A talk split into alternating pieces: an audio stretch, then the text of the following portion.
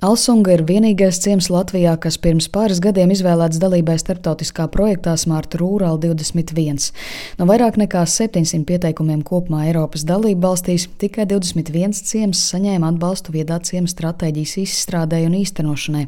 Tas Alsungas kopienai palīdzējis no kopīgas vides sakopšanas nonākt arī pie biznesa vides attīstības teritorijā.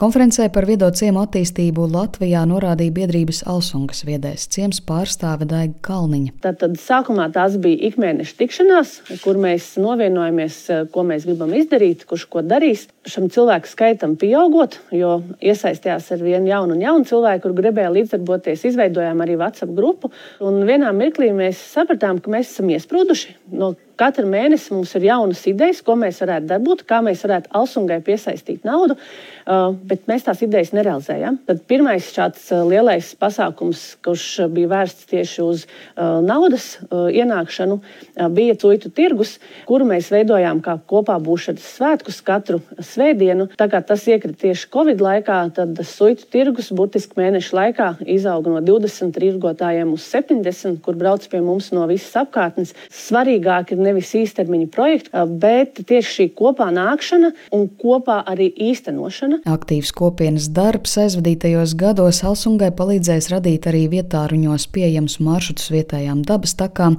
izveidot aplikāciju turismu sadarbībai, īstenot apmācības mazā biznesa uzsākšanai vai virtuālās realitātes programmēšanā jauniešiem.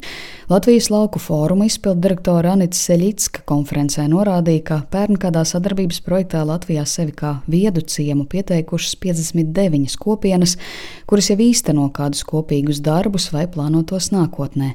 Seļicka turpina par kādu piemēru. Noteikti esat dzirdējuši arī šo stāstu, cik daudz dažādu īpašumu tiesību dzīvokļiem nepieciešamas diskusijas un sarunas, lai nonāktu un vienotos par ēkas siltināšanu, atjaunošanu, lai, nu, lai sakmētu energoefektivitāti. Bet ir daudzas biedrības organizācijas Latvijā.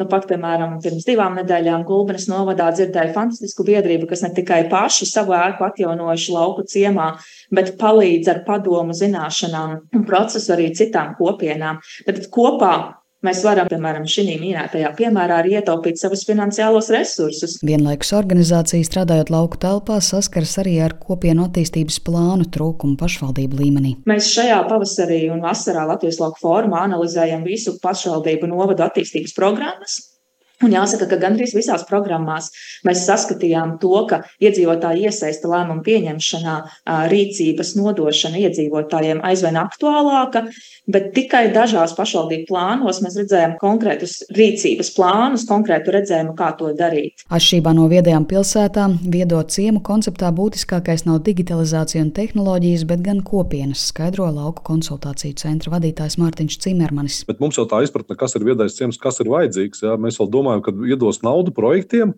un radīsies viedais ciems.